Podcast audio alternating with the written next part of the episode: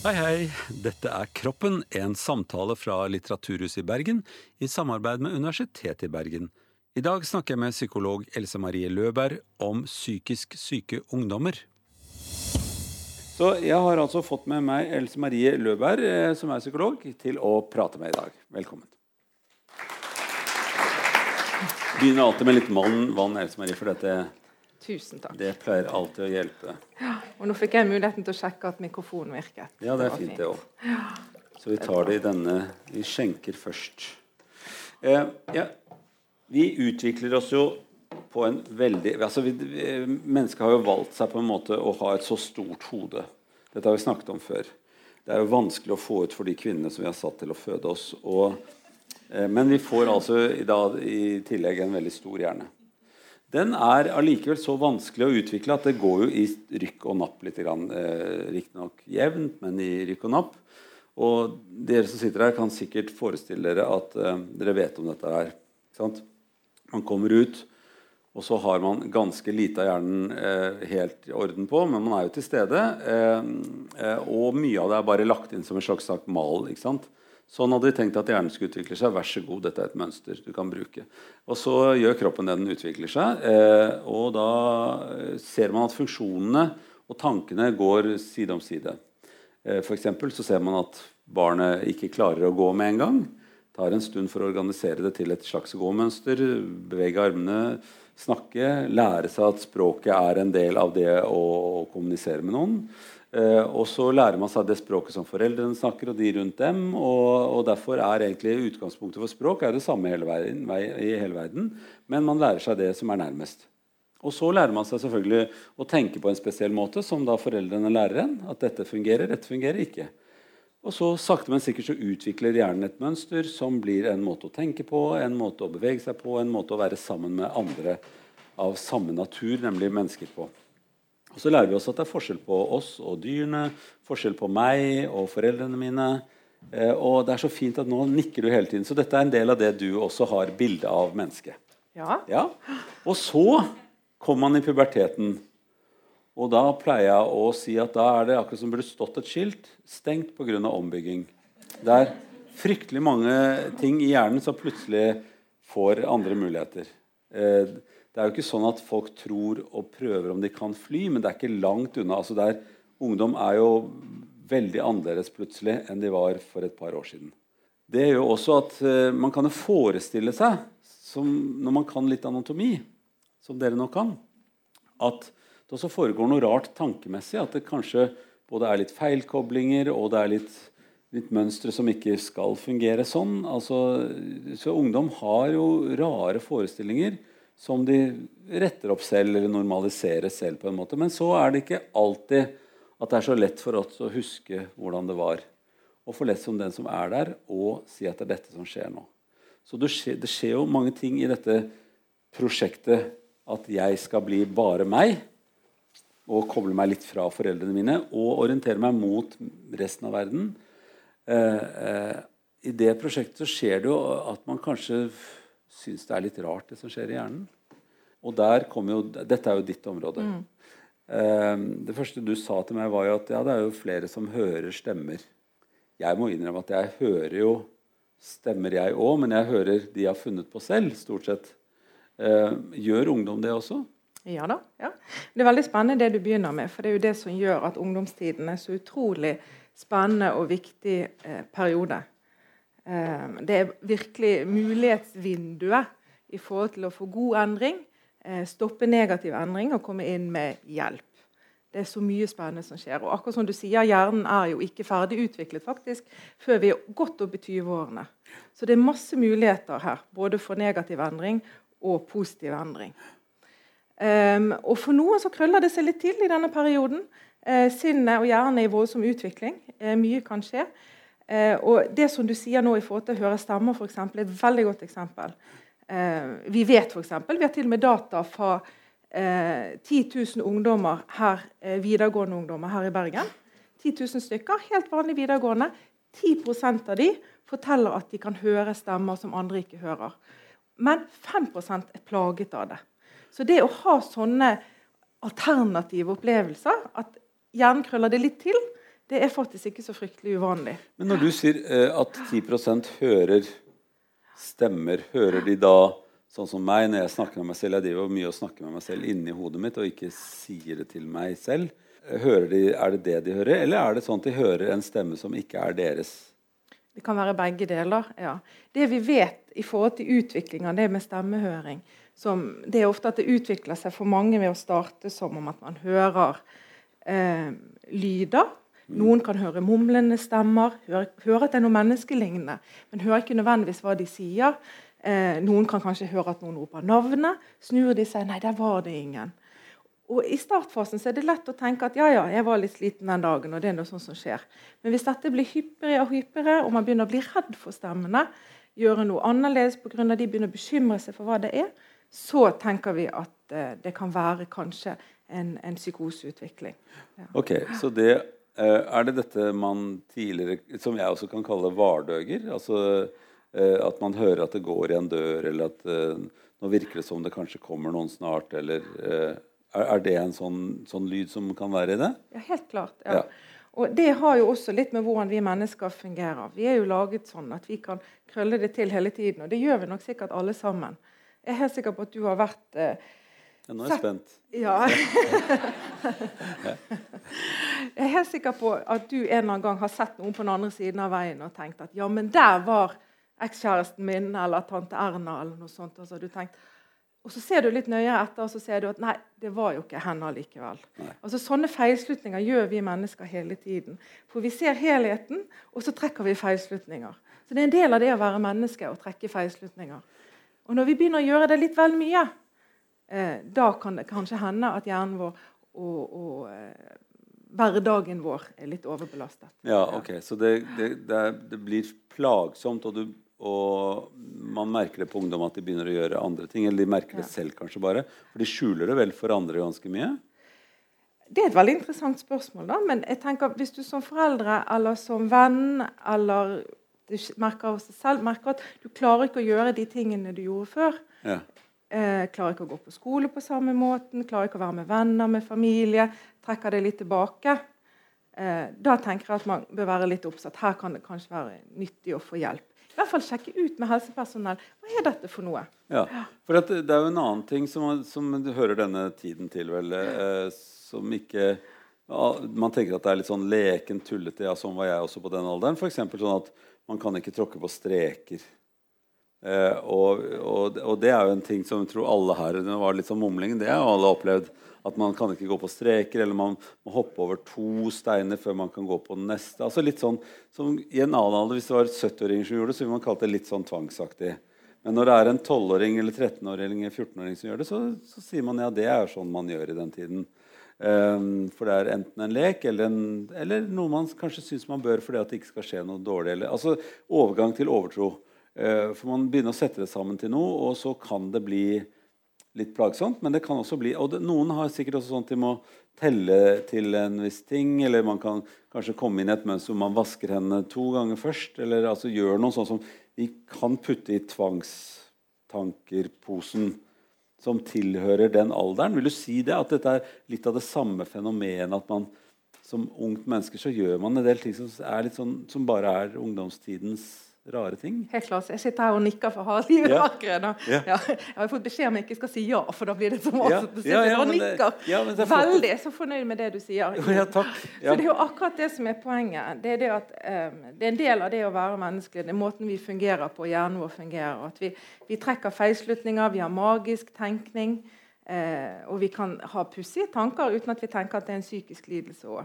Altså, hadde jeg puttet alle dere nå inn i et eh, helt sansedeprivert rom uten en lyd, eh, så hadde de fleste begynt å skape sine egne lyd- og lysinntrykk. Uh, og, og begynne å måte skape noe som ikke finnes. Helt normalt. Og hadde jeg puttet alle dere inn i et rom midnattstid klokken tolv halloween, sagt at her spøker det, helt sikkert mange som hadde sett litt spøkelser og ånder. Altså, det er en del av måten vi fungerer på. Er det sånn den motsatte veien også, at hvis det er mm. altfor mye mm. impulser, for mange ting, så trekker man seg unna det eller prøver å få litt ro? Eller altså at man atferdsmessig gjør ting fordi at det er for mye? På samme måte som det er for lite? Ja da, helt klart. helt klart. Men det som er viktig, eh, det som vi er opptatt av innenfor psykisk helse, og for så vidt innenfor annen helse, det er det at når eh, det blir mer av det, og det begynner å bli plagsomt mm. Man begynner å se og høre ting som andre ikke ser og hører. Begynner å få tanker om verden som eh, ikke andre har. Og man begynner å dvele veldig mye med det. Begynner å bli redd, gjøre ting annerledes, holde seg unna andre mennesker. Begynner å tro på det man ser og hører da tenker vi at vi kanskje kan være på vei inn i en psykoseutvikling. Ja. Dette var en veldig flott start av et bilde. Går det an, kan vi nå hoppe eh, over hele denne litt vanskelige fasen som vi skal snakke om senere, også til en full psykose? Ja. For jeg har jo jobbet på psykiatrisk avdeling, også på sånn politiets psykiatriske observasjonsavdeling, som det het den gangen, hvor altså det kom folk rett inn fra gaten som var det vi, ville, vi andre vil kanskje si klin kokosgal. Og, og, ganske skremmende, ubehagelig, som til og med jeg, som da ikke var faglært på den tiden, syntes var skummelt. Da hadde jeg f.eks. Um, skulle bare si, snakke med en pasient som vekselvis trodde at jeg var Jesus og Satan, og hørte stemmer og, og gjorde veldig rare ting. Gjemte seg i et veldig umøblert rom og, og angrep meg og tilba meg i løpet av en halvtime gjorde han alt dette her. Og jeg prøvde bare å spille sjakk med han. Han syntes alle sjakkbrikkene var skumle, og fant på et helt annet mønster hvor de kom seg av dette brettet med ruter og heller sto som to eh, krigere eh, mot hverandre. på en måte. Eh, og det har ikke jeg noe, noe vanskeligheter med å fortelle nå, at det, det, det, var ikke bra. Han hadde det fryktelig slitsomt. og trengte antageligvis medisiner for å bare roe seg ned. Det var derfor han var der. Lite stimuli. altså Rett og slett behandling, psykiatrisk behandling. Men det er jo langt fra dette ene som vi snakker om nå, normal ungdomsutvikling, som begynner å komme mot et vippepunkt, og dette fulle psykosebildet. Hvor, hvor, hvor ville du sagt at her er faresignalene? Ja. Det vi tenker i dag, og det som vi også har forskningsbelegg for å si, det er det at hvis du kommer veldig tidlig til, og faktisk begynner å jobbe med disse nærpsykoseopplevelsene eh, allerede før på en måte, psykosen er liksom full blown og man virkelig helt overbevist om at det man ser og hører, er sant. Det er da man virkelig klarer å, å, å hjelpe. Kanskje vi til og med kan unngå at det blir en psykoseutvikling. Mm. Ja. Eh, og når vi da i tillegg vet at de fleste steder i verden hvor man ikke har tidlig eh, oppdagelse av psykosesystemer, sånn som vi har her i Bergen, så, så, går veldig mange ungdommer og unge voksne da med psykose i halvannet til to år før de får behandling. Mm. Um, så det er egentlig veldig mye vi som helsearbeidere kan gjøre hvis vi kommer tidlig til, og kan hjelpe et ungt menneske å få eh, holde seg til disse symptomene på en litt annen måte. Mm. Og veldig ofte vil den hjelpen dreie seg mye om også å få ned belastning og stress og, og, og, det som ligger av utfordringen på skolen, med familie, i samfunnet rundt, miljøet rundt mm. ungdommen. Så, så, det er veldig viktig fokus i forhold til behandlingen. Ja. Hva tenker du sånn tenker du, eh, For nå sa du veldig mange ting som er rundt, rundt den som har plagene. Ja. Og vi startet med å snakke om det som var inni den som har plagene. på en måte. Hva, hva av disse tingene som er eh, Hvis du er en ungdom da, og tenker at dette her skjer med meg, jeg hører at dette er ting jeg opplevde også, bør de én bare tenke på at ja, men det kan skje, dette er vanlig. Bør jeg snakke med noen andre på min alder, eller bør jeg snakke med mine foreldre, eller bør jeg snakke med noen med helsesøster for eksempel, om det? Eller bør jeg sørge for at jeg kommer til behandling?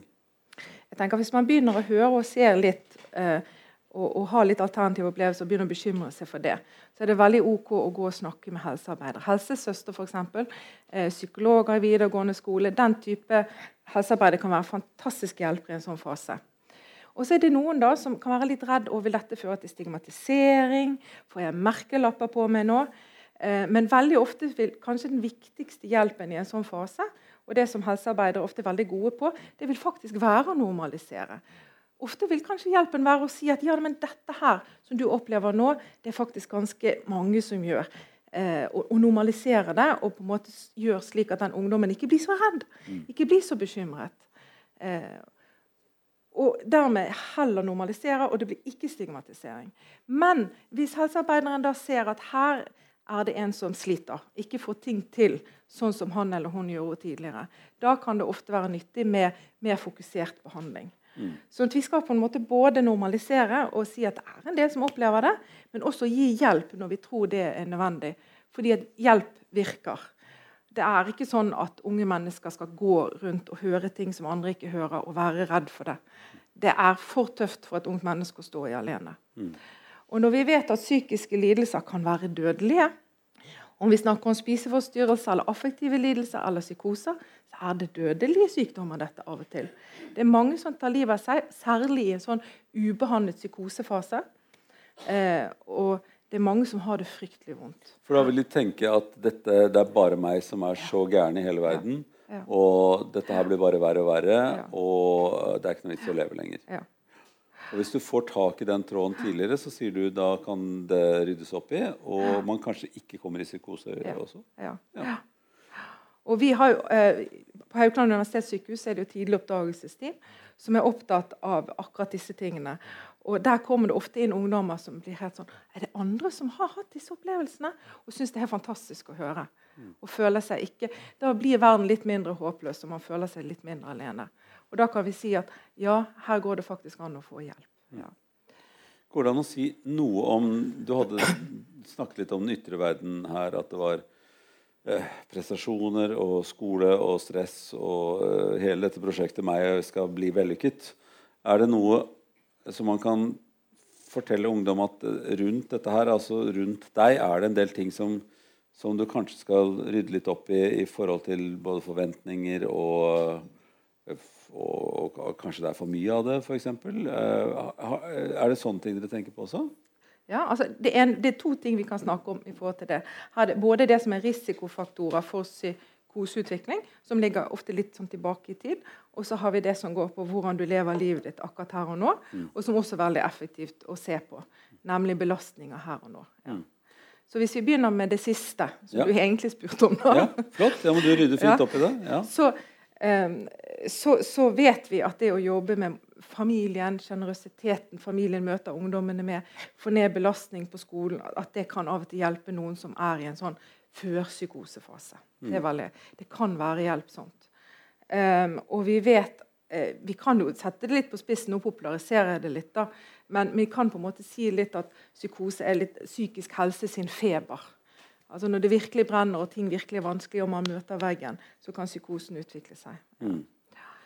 I forhold til det med risikofaktorer så har vi også litt kunnskap om det nå. Um, og det Vi vet at det finnes, vi vet at 70% av de som får en psykoselidelse Vi har også til og med data som vi forsker på her i Bergen, har en alvorlig barndomstraume, eller ofte massivt med barndomstraumer i bagasjen. Mm. Vi vet at det å ruse seg mye, særlig i forhold til faktisk cannabis, hasj, Eh, og metamfetamin og amfetamin det er også negativt for psykoseutviklingen. Særlig hvis man er veldig ung og eh, eh bruker mye av de her liksom sterke cannabisvariantene. Mm. Det vet vi jo òg. Så det regnes som risikofaktorer for psykoseutvikling. Så de, de, to siste du sa, det er altså at det er to spe særlig spesielle rusmidler som kan være med på å være, være rett og slett utløsende faktorer og, og ja, risikofaktor. risikofaktorer. Ja. Mm, mm. Oppdager foreldrene sånne ting? ja, det er et godt spørsmål. Mm. Ja. Um, ja. jeg vet ikke helt. Nei. Hvor mye vet foreldre om slike ting? Ja. Det som jeg tror jeg kan si da, i forhold til det med foreldrerollen, det er det at mange foreldre slipper nok ungdommen litt tidlig og tenker at nå er jeg ferdig med mitt, mitt foreldre eh. Nå er de unge, nå skal de klare seg selv ut og fly.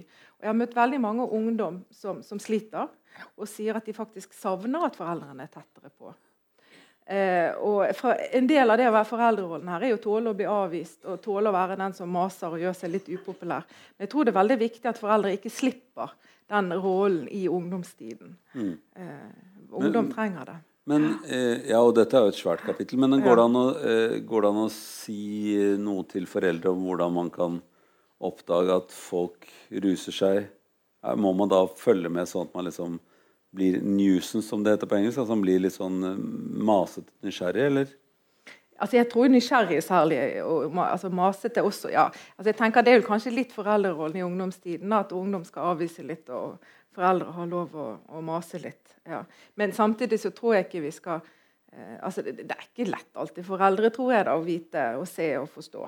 Nei, Nei fordi at uh, det er jo De sier jo stadig, unge mennesker, 'La meg få litt slakk. La meg få være i mm. fred.' Eller 'Åh' Det er jo en veldig fin måte å si det på. Eller du spør 'Hva gjorde du i går?' 'Vet ikke'. Altså Du får veldig mye avvisninger bare kroppsspråk eller lyd. Mm. Jeg husker godt, eh, godt den perioden eh, hvor du, du, får beskjed om å ikke bry deg.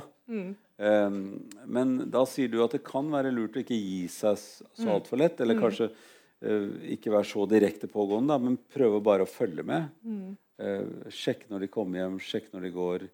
Eh, ja. Ok, jeg, jeg, tror folk kan tenke seg resten selv.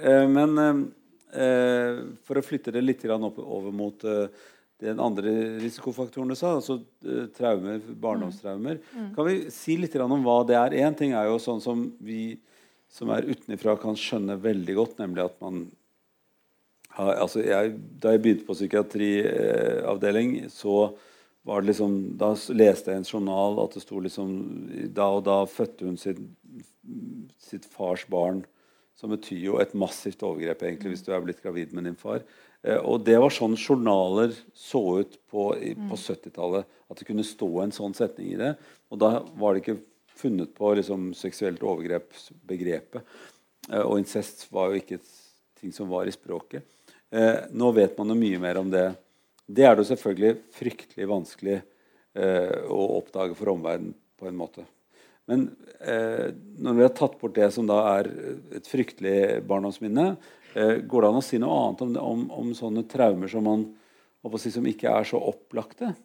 Er, er det manglende omsorg eh, er det, er, hvor, hvor, svær er den posen? Ja, Det er et godt spørsmål. Ja, altså, det har jo vært perioder hvor man innenfor psykosefeltet var opptatt av at det var enten en litt kald mor eller en litt sånn for invaderende mor. eller Det var psykose, årsaken bak psykose. Det er lagt til siden. Det er ikke sånn vi tenker i dag. Så mødrene er på en måte frigitt? Ja. Mødrene er fri. Ja, det, det vil, blir vi vel aldri. Men, men i forhold til psykosebiten, så, så, tror jeg det. Men, men, knyttet opp til akkurat dette med Når vi snakker om det med barndomstraumer, så ser det ut til at det er de alvorlige traumene vi snakker om. Altså, ja, seksuelle overgrep, fysisk mishandling, neglekt. Mm. Ja, og Vi har undersøkelser også fra Bergen hvor vi går inn og ser Nå sa du neglekt som vi gjør i vårt fag, men altså, vi må si omsorgssvikt. Vi må liksom ja, utvide, vi er på omsorgssvikt. Ja, okay. takk. Ja. Vi er på omsorgssvikt, altså hvor man rett og slett ikke er der til stede i det hele tatt. og det liksom sånn Emosjonell neglekt, vi sier. Man er virkelig eh, iskald og avvisende, ja. ja. Og ikke er der for barna. ja. Mm. Um, så det vi har sett er at Dette er jo risikofaktorer for alle psykiske lidelser. Men det ser ut til at når det særlig er veldig massivt, og mye av det, så er det en risikofaktor kanskje særlig for psykose. Ja. Mm. Um, det er også en risikofaktor for, for senere ruslidelser. da. Sånn at det er veldig skummelt. Men samtidig så vil det jo være en 30% av pasienter med en psykoselidelse som ikke har den type ting i bagasjen. Da, så vi må ikke gjøre den feilen som noen psykologer som jeg er jo psykolog selv, så jeg har lov å kritisere psykologer, kan gjøre om at vi liksom leter etter traume, og så er det ikke der. Men vi må ha dette med barndomstraumer med oss. fordi at det er veldig viktig. Og du kaller det ikke bare en belastning, du kaller det traume. Så det er et ganske traume. svært ord. Det er ganske svært ord, ja. ja, ja. Eh, så det, det, som bare er at det har skjedd en mer triste ting i livet, det er ikke det du summerer opp? Nå er det ordentlig vonde, svære ting? Nå er det virkelig vonde ting. Ja, okay. ja. Og det er jo sånn at hvis man virkelig Det er jo noe av det som er både litt sårt og litt godt og på mange måter når man jobber med pasienter som har vært gjennom sånne ting. Det er jo det at Når du da møter virkelig dårlige pasienter som er i en psykosetilstand og har dette med seg i bagasjen, så må du virkelig beundre dem for at de fortsatt klarer å stå. For det er historier der ute som er ganske, ganske mm. vonde.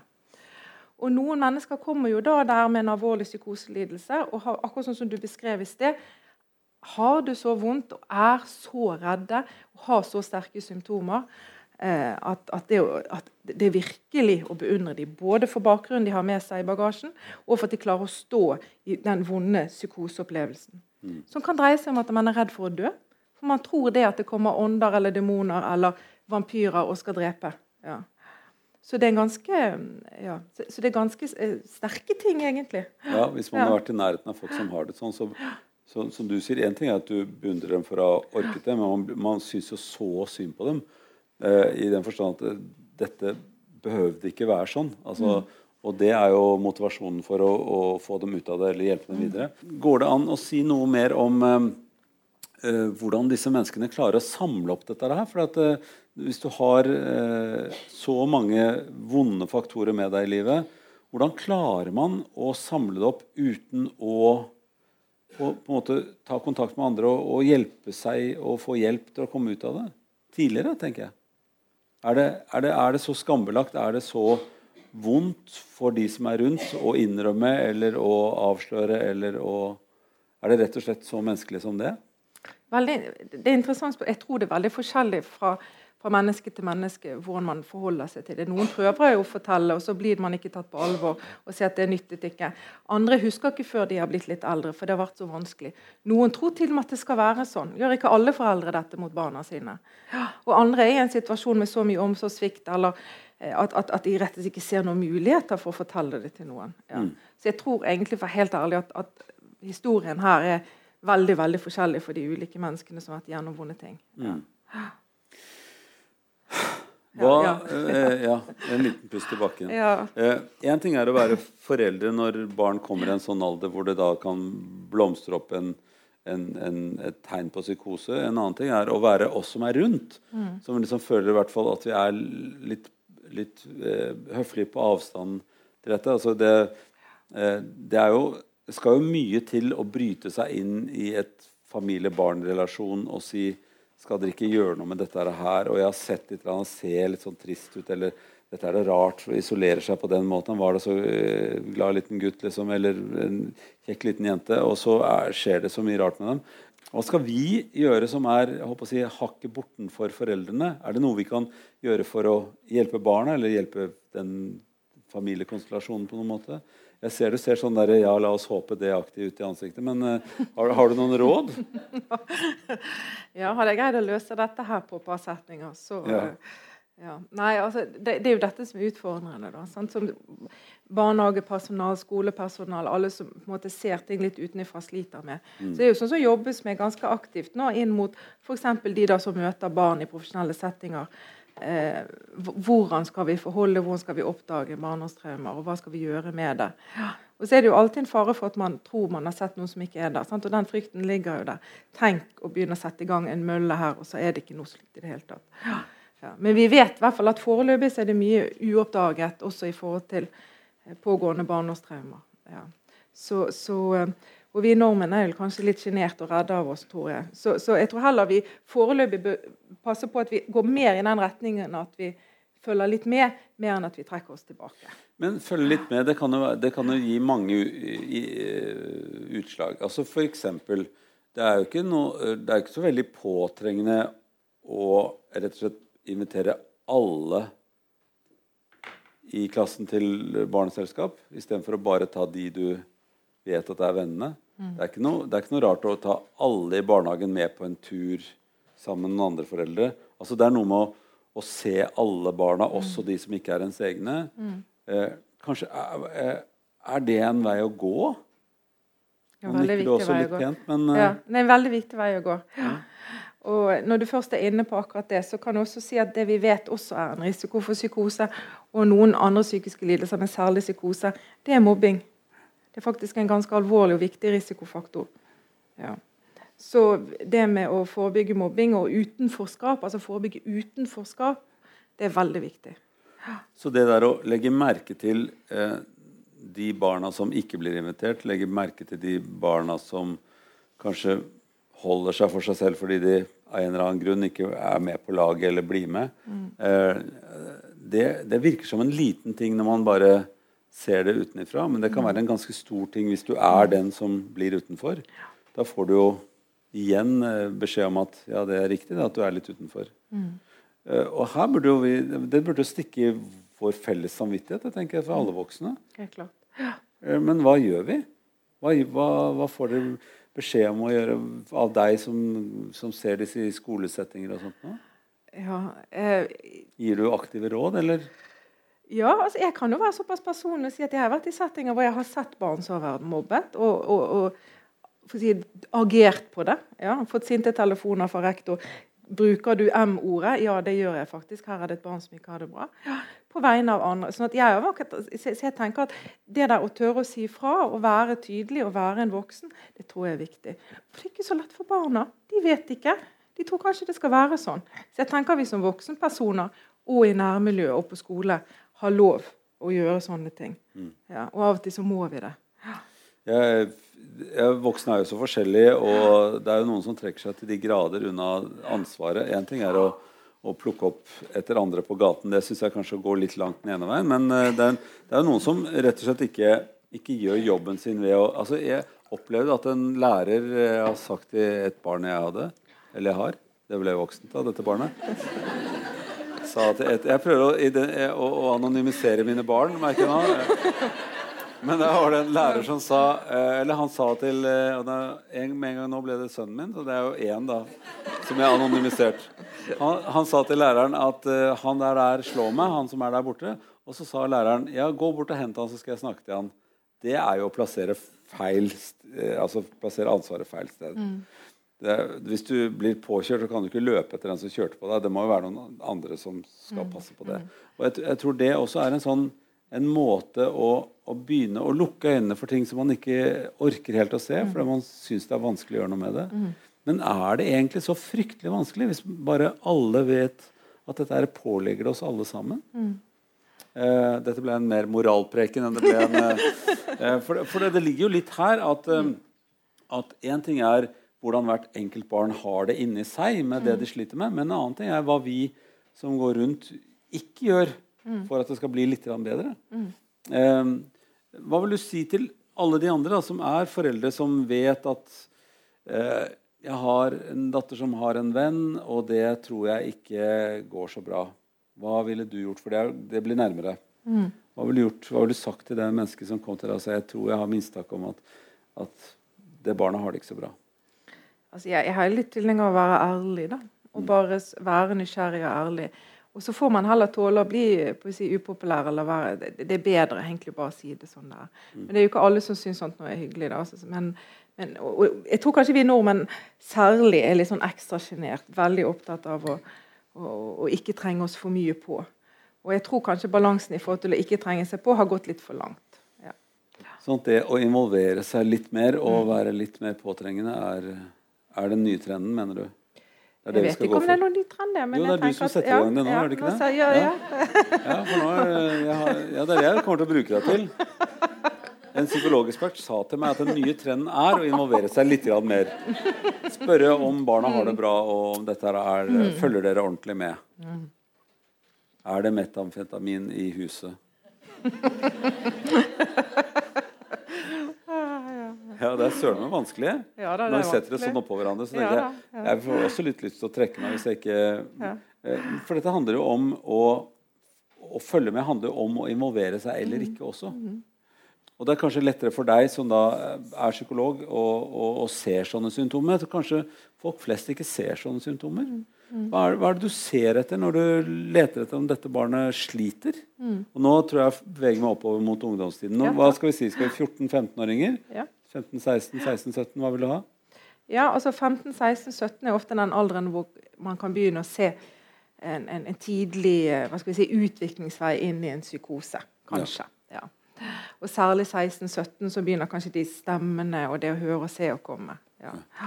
Men det man da ofte vil være opptatt av, og det vi vil være opptatt av som, som, som helsearbeidere, da, for å si det sånn, sant? det vil jo være eh, det med en endring i en negativ retning Funksjonsfall sier vi så fint. altså Det man ikke klarer å gå på skolen Funksjonsfall? Det høres ut som en snubling. Ja, Nei, det er ikke helt det. Men det, det at man ikke klarer ting ja, ja. Eh, som man klarte før. Altså skolen, Klarer ikke å gå på skolen på samme måte, klarer ikke å være med venner. Og det å ikke klare å være med venner er ofte litt sånn skummelt for barn og ungdom. Eh, det, det, å ikke kunne være med familien, det å trekke seg helt tilbake. Så Det er ofte med endring til det verre. Og endring til det verre som man vet at ikke var det jeg gjorde da jeg var i den alderen? Nei, den, ja, nå begynner du å nærme deg det virkelig vanskelige for foreldre i 2017. Mm. For, eh, ja, for fordi at Ungdomstiden ser jo veldig annerledes ut da, i 2017 enn det gjorde da vi var unge. Så min sønn da har prøvd å få tid til meg veldig lenge. Ja, du må ikke tenke sånn som det var når du var ung. Ja, Mm. ja ok. Mm. Det, ja, det kan vi ikke gå på det heller. Da får de heller bli plaget av at vi forteller hvordan det var da vi var unge. Da. Ja, jeg, jeg har, lider litt av den. Jeg er redd. Ja, gjør du det? Ja, ja. Ja, for det, det, Du spilte vel ikke så veldig mye videospill når du var liten? Lite av det. Ja, Ja. det er det. Ja. Nå Og du er, han er sønn, og du er datter, holdt jeg på å si. Ja. Så at uh, Du gjorde vel ikke helt likt, så du må jo Nei. godta at han gjør det på en annen måte. ja, det er akkurat det. Mm. Ja. Hva gjør man hvis folk uh, sier at ja, men jeg er så interessert, dette er ny teknologi, mor. Det er et dataspill, så vi må sitte i et mørkt rom. Og vi kan ikke sitte der sammen, alle sammen, for da får ikke jeg spilt. Og jeg blir nå, får kompetanse på å spille med en datamaskin. Og det kan jeg bruke i oljeindustrien. Altså, hvis han sier sånne ting er du er, Det må jo lure deg. Eller, da må du gå på den. Du må si ja, det godtar jeg. Ja, nei, det kan du si. Nei, altså, jeg har jo vært en sånn mor fra eh, en sånn streng mor eh, hvor min sønn måtte gå til kompisen og si nei, du skjønner, min mor er psykolog, så jeg får ikke lov å spille så mye. Oh, ja. og stakkar deg. Ja, da spiller vi hjemme hjemme hos meg isteden. Nettopp. Ja. nettopp. ja, for det er det. De er jo ikke dumme, noen av disse her. Nei, det er ikke Men eh, for at det å trekke seg litt tilbake i en viss Ja. alder eh, og oppsøke spennende ting uansett hvor det spennende ting er, som er litt grenseoverskridende, eller hvor man kanskje brenner seg litt på fingrene. Jeg har drukket noe som man ikke skulle drukket, og røyket noe man ikke skulle røyket, og sittet noe man ikke skulle sittet på. Ja, det siste bildet ble veldig rart, men eh, for, for, for det er jo den tiden for det. Utprøving. Ja, ja. Eh, og hvordan kan du vite, som lever nå, hvordan, eh, hvordan det er å prøve ting i vår tid? Mm. Eh, og når er det for mye utprøving, kanskje, da? Og nå Mm. merker jeg at det begynner å gå over mot rus og andre ting som, mm.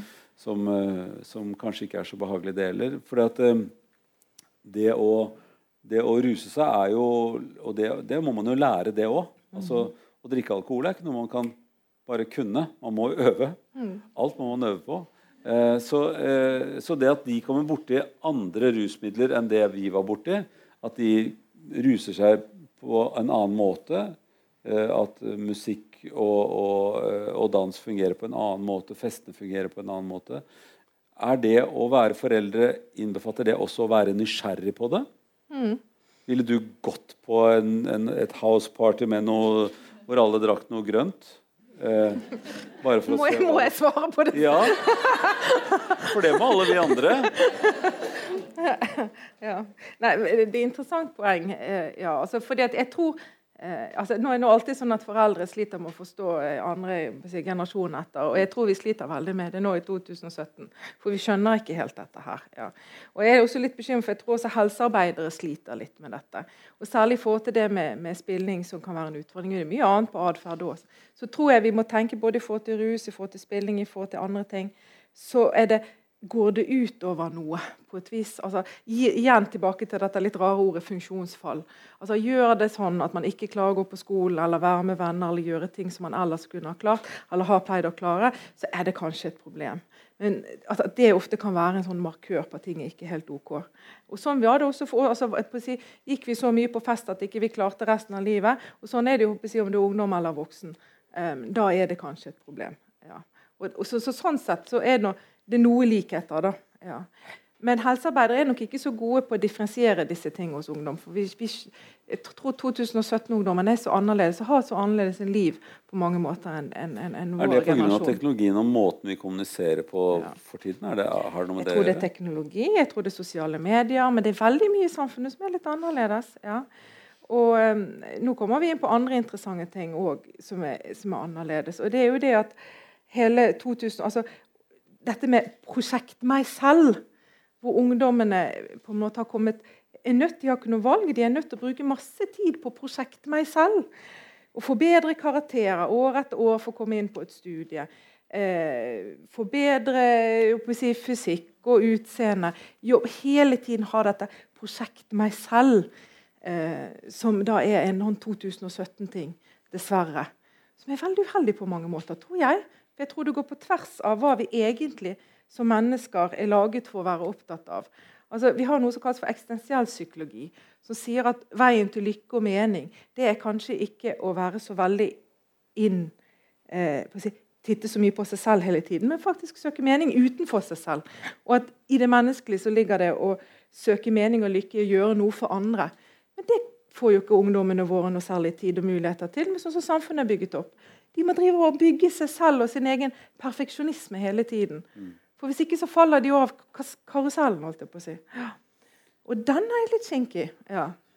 Litt var jo underdrivelse her, syns jeg. For noe av dette er vel, det er vel, Igjen så er det kanskje det som preger voksenverdenen også. Ja, og tror, Jeg tror de lærer det av oss. da. Mm. Jeg tror de lærer det av voksne. Jeg tror vi sier én ting, å det er så viktig å være raus og sjenerøs og snill og grei. Og så viser vi som dobbeltmoralske rollemodeller. For rollemodellæring er jo det man lærer mest av. At, at det viktigste det er prosjekt med selv, å være perfekt og, og prestere. Det blir veldig mye viktig. Det blir liksom fokuset. Ja. Jeg, jeg, ga jo mor helt fri på en måte i starten, men uh, bringer mor litt inn igjen nå. Ja. For mor er jo nå også veldig Flinkesen-aktig. Mm. Skal gjøre alt. Mm. Uh, og, og, far. Ja, og nå tok jeg litt mor nå, da. For du, du kan ikke bare skifte, skifte kjønn med en gang det er noe negativt.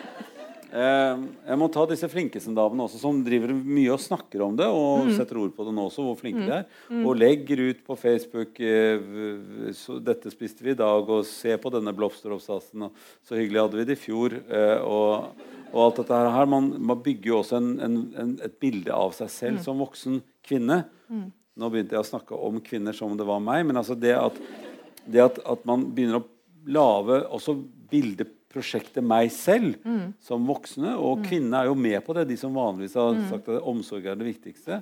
Um, hva har dere tenkt å gjøre med det?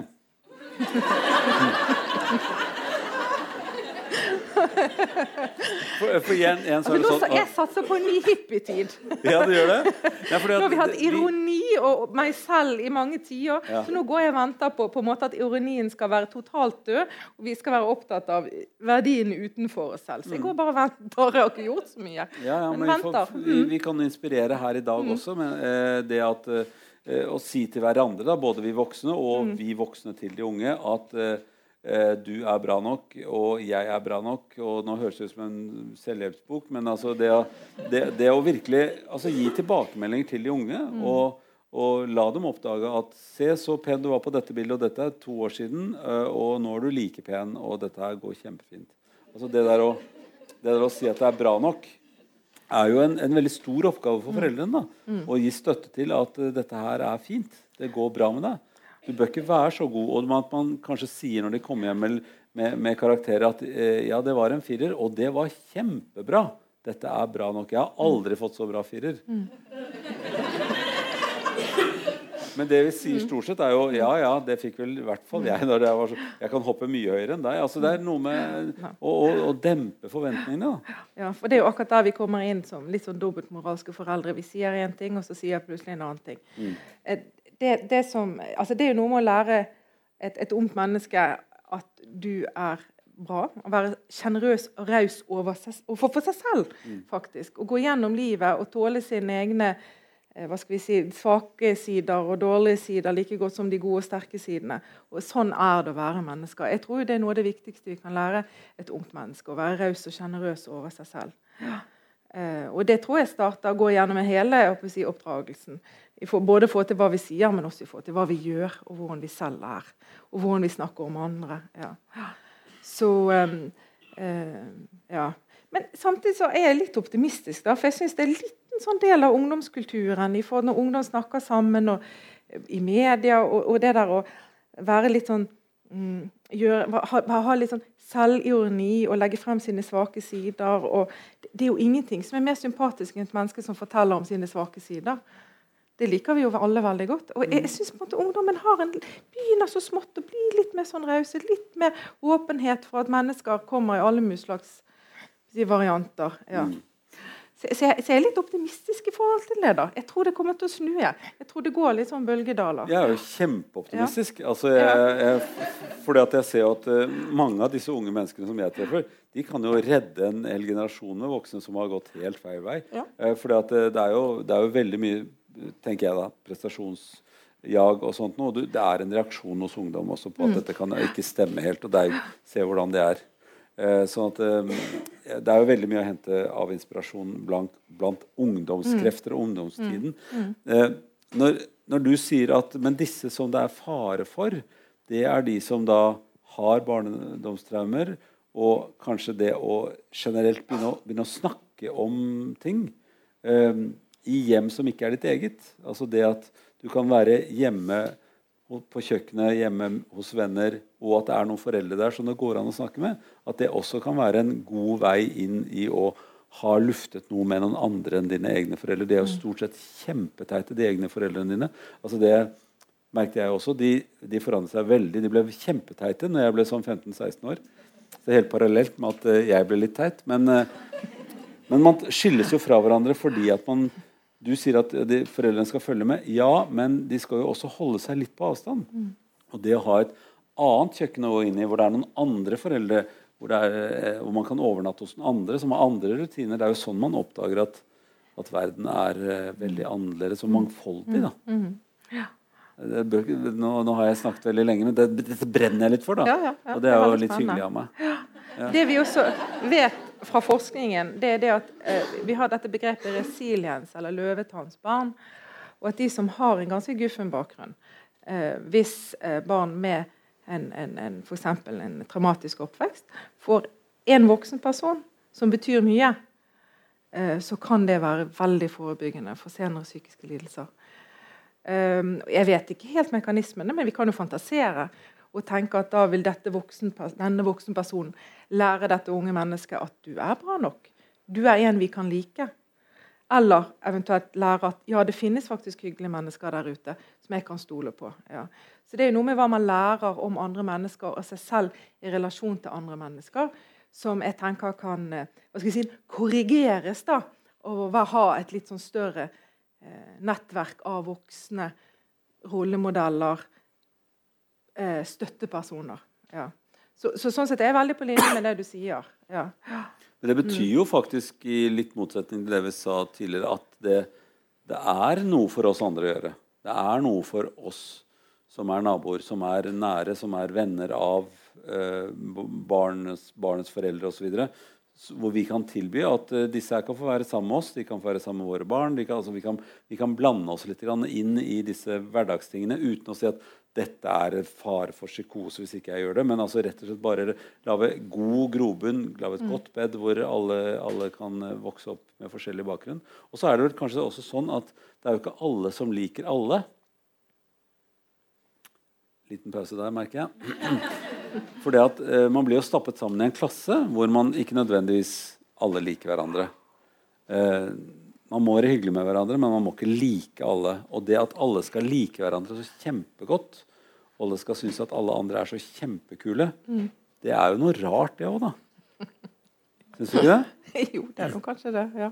Og du vet ikke hva jeg mener, derfor du sa tror du er vel kanskje det? Ja da, jo da, jeg, jeg ser poenget ditt. Ja da. Fordi at, uh, jeg, jeg, tror kanskje at vi at vi skal være litt flinkere til å si det vi mener. da. At vi at det kan være også lettere å si at man liker folk. Ja. Det var da ganske greit resonnert, var det ikke det? Hvordan skal vi inspirere folk til å, til å se andre, andre, som da kanskje står og henger litt med hodet av sånne blomster som kunne vært fine hvis de hadde fått litt vann? For det er jo det de fleste av oss er.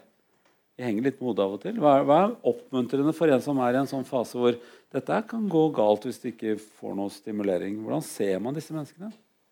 Disse ungdommene? Ja, altså jeg, har, jeg, er jo enig med deg. Jeg har veldig tro på at det er voksenpersoner som må inn og se og være der. Ja, det er jeg helt enig med deg i. Er, er, det noe for vennene av de unge å gjøre også? Kan ja. de også si fra? For du får jo noen av disse her til behandling. Og hva tenker du da at her kunne noen ha gjort noe? Hvem, hvem, skulle gjort noe før de kom til deg? tenker du da? Hva ville normalisert og gjort det bedre? Altså, det, det, vi prøver å få til, da, i forhold til f.eks. Dette med tidlig oppdagelsesteam i forhold til psykose, det er jo å gå ut i media og informere om at hvis man har det slik og slik, så går det an å få hjelp. Og når vi virkelig får det til, så ser vi at da er det ofte venner voksenpersoner, også litt sånn i utvidet krets, som tar kontakt og sier nå er jeg bekymret. Og Da går det an å få råd i forhold til man, hvordan man kan gå videre i forhold til en sånn bekymring. Men og for noen ungdommer så er jo det nettopp vennene som er det viktigste. Og det er nettopp den støtten eller oppmuntringen eller litt sånn pushingen fra vennene til at nå er det her et sted du kan gå, her går det an å få hjelp. Kan jo være akkurat det som er viktig. Ja. Fordi at Det må jo være en gulrot her. og Den gulroten som jeg ser veldig tydelig at er her, det er jo at ok, dette er et menneske som sliter, og det kan godt tenke seg at denne ungdommen også får en psykose. Men da er det ikke nødvendigvis sånn at man blir gæren og blir gæren hele livet. Mm. Eh, det er snarere motsatt. At det kan faktisk behandles, mm. og det kan være en engangsforeteelse. Ja. Det må du si en del om. Og Det er veldig viktig det du sier nå. For det, det er litt myter om at hvis med en gang man på en måte får hjelp for noe som er knyttet opp til psykisk helse, så har man en merkelapp for resten av livet, en diagnose. Man har på en måte eh, bli, bli, bli stigmatisert istedenfor å få hjelp. Ja. Og Den myten er litt skummel. For som jeg nevnte i begynnelsen, så vil det heller være sånn at hvis man ser ting er helt ok, så vil hjelpearbeidere være opptatt av å si at dette er normalt. Man, man prøver ikke å få folk i behandling uten at det er nødvendig. Ikke den ressurssituasjonen i psykisk helsevern i dag, for å si det sånn. Nei. Det vi vet i dag, det er at vi er mye mer optimistiske i forhold til hvordan det går med de som da faktisk får en psykose i dag, enn for bare ti år siden. Kanskje til og med bare fem år siden. Eh, noe av det kan jo ha sammenheng med at vi har bedre behandlingsformer. Eh, både psykososiale behandlingsformer og andre psykologiske behandlingsformer. Eh, men også dette med tidlig hjelp. Ja. Det er veldig mange som får til og med en psykoselidelse, til og med en schizofreni, som på en måte er den mest alvorlige psykoselidelsen vi har eh, som bare får én psykoseepisode. And that's it. Mm. Og det går ganske bra. Og I dag så sier vi faktisk at man kan bli frisk av også de mest alvorlige psykiske lidelsene, som psykoselidelsene og schizofreni. Ja. Og Dette er veldig spennende, for dette betyr at vi skal gjøre to ting. Vi skal både gi håp om at dette kan gå veldig bra, og vi skal si at dette er likevel såpass alvorlig at vi tenker at du trenger behandling, og nå er det unntakstilstand en periode. Så begge deler må vi formidle. Ja. Nå vil det være noen som ikke vil respondere så godt på behandling, og da vil eh, på en måte ha en mer varig psykoselidelse med behov for støtte og hjelp rundt seg. Men det er ikke så mange som vi tenkte det var før. Ja. Nå er det mange som klarer seg aldeles utmerket. Så hele psykosefeltet har endret seg. Sånn som Nå så er man opptatt av å komme i arbeid, få egen leilighet, få et vanlig liv med god livskvalitet som alle andre mennesker. Og spør du brukere eh, Vi har eh, et, eh, annet et erfaringspanel hos oss her i Bergen på Haukeland universitetssykehus som har lært meg masse. Så sier de at det ikke nødvendigvis alltid symptomene og symptombehandling som er det viktigste. Men det er det å ha et meningsfullt liv, det å ha aktivitet, det å ha en kjæreste altså Akkurat det samme som alle andre tenker. Det er det jeg egentlig har fokus på og vil ha hjelp for. Og så kan man faktisk leve et sånt godt liv som alle andre, men fortsatt har kanskje til og med litt stemmer på siden som man kan få hjelp til å jobbe med. Mm. Ja. Eh, nå har vi eh, i løpet av denne litt rare samtalen, for det er jeg som har gjort den litt rar, eh, snakket om si, de, de, alvorligste delene av, av psykisk lidelse, nemlig psykosene. Det er jo liksom mm. det som står øverst på, på, på, isfjellet der. Men det er jo veldig mange, av, av nå blir jeg sånn oss, som har eh, engstelse, gruer seg for ting og, og, kanskje ikke hører så mye stemme lenger, men, eh, men eh, lever med engstelse. og det er jo også veldig typisk for en ungdomstid at man kan ha både akutte faser av noen ting, eller få kjempeangst for ting, eller altså slite med ting som man tenker at dette her må jeg bli kvitt, for dette var veldig veldig forstyrrende i forhold til det livet jeg hadde tenkt å leve. Men det er jo også eh, noe som i denne fasen da eh, Altså ungdomstiden eh, Hvis man får snakket om det, kan få ganske godt grep om. Og noen av, noen av disse tingene vil man jo ikke bli helt kvitt. Det er akkurat som angsten bør man være venner med, for den er jo et faresignal i kroppen. Eh, og hadde man ikke vært engstelig for noen ting, så hadde man gått rett på nærmeste bil eh, som kjører veldig fort mot deg. Eh, for dette er ting man skal være engstelig for.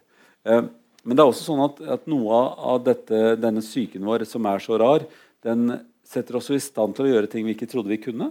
Altså, jeg mener jo at det at jeg er forberedt og litt nervøs, hjelper meg til å bli god til det jeg gjør. Og i mange yrker så er det jo nettopp sånn at det å være det, det å ikke være helt i balanse hele tiden er eh, bra ved å være menneske. Nå nikker du, og det er jeg veldig glad for. Eh, det betyr at du, du som psykolog sier ja, det kan jeg være med på.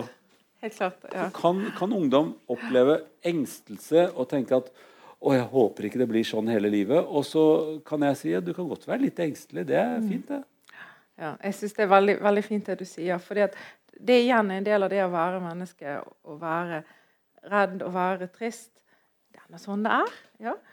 Eh, og dette, denne ideen om at man skal gå gjennom livet og være lykkelig og glad og aldri kjenne på disse litt sånn mørke følelsene Hvor det kommer fra, vet jeg ikke, men det er vel kanskje også noe vi i foreldregenerasjonen driver og eh, formidler. Eh, men, men, det er jo bare tøys. Det er bare tull. Eh, det å være redd er en del av eh, normalfunksjonen til et menneske, og det skal være det. Sånn som du sier, det er adaptivt. ja. Um, og vi vet jo til og med det at vi har jo forskning som støtter det du sier, som viser at man presterer bedre når man er litt eh, aktivert og litt engstelig. Men ungdom har, kanskje, kan i perioder ha litt mer av det. Vi kall, har bl.a. noe vi kaller for ungdomsparanoia, som er et litt sånn tøysete ord. Men det er denne følelsen som ungdom har, at alle ser på dem. Alle er så opptatt av hva de gjør. Eh, som gjør at ungdom ofte kan føle litt sånn på det at det er så i fokus, og nå føler jeg meg dum. Den selvbevisstheten. Mm. Og Det er en del av normalutviklingen. Det er en del av sånn som de fleste ungdommer har det. Og veldig mange voksne har dette også. Det er normalt å gå hjem og tenke 'Å, hva sa jeg nå i dag? Uff, det var dumt.' Helt normalt. Det gjør direktører og professorer òg. Det kan jeg forsikre om. så, så, dette er en del av normalen. Det er sånn vi mennesker er laget. Ja, og der, ja. i det kan vi, oppi den posen kan vi slenge det å ha litt tunge tanker, det å være mørk til sinns i en periode. Det å, og, som, sånn er det bare. Ja, sånn og er det bare. Ja. Får bare si at velkommen i klubben. Ja, rett og slett. Ja. Det heter å være menneske. Ja, mm. Flott. Eh, jeg er veldig glad for, eh, for, å ha pratet med deg. Jeg er veldig glad for at en del ungdom nå eh, går i, over fra gruppen litt vinglete til i normalfasen. det kan godt tenkes at disse ungdommene som vi begynte å snakke om, kommer til å ha det helt fint, uh, og at det er en ting de har levd gjennom. Men det kan kanskje være lurt for noen å ta en prat med noen som har litt mer greie på det enn dem selv. Mm. Tusen takk for at jeg fikk prate med deg. Takk for det. Ha det godt.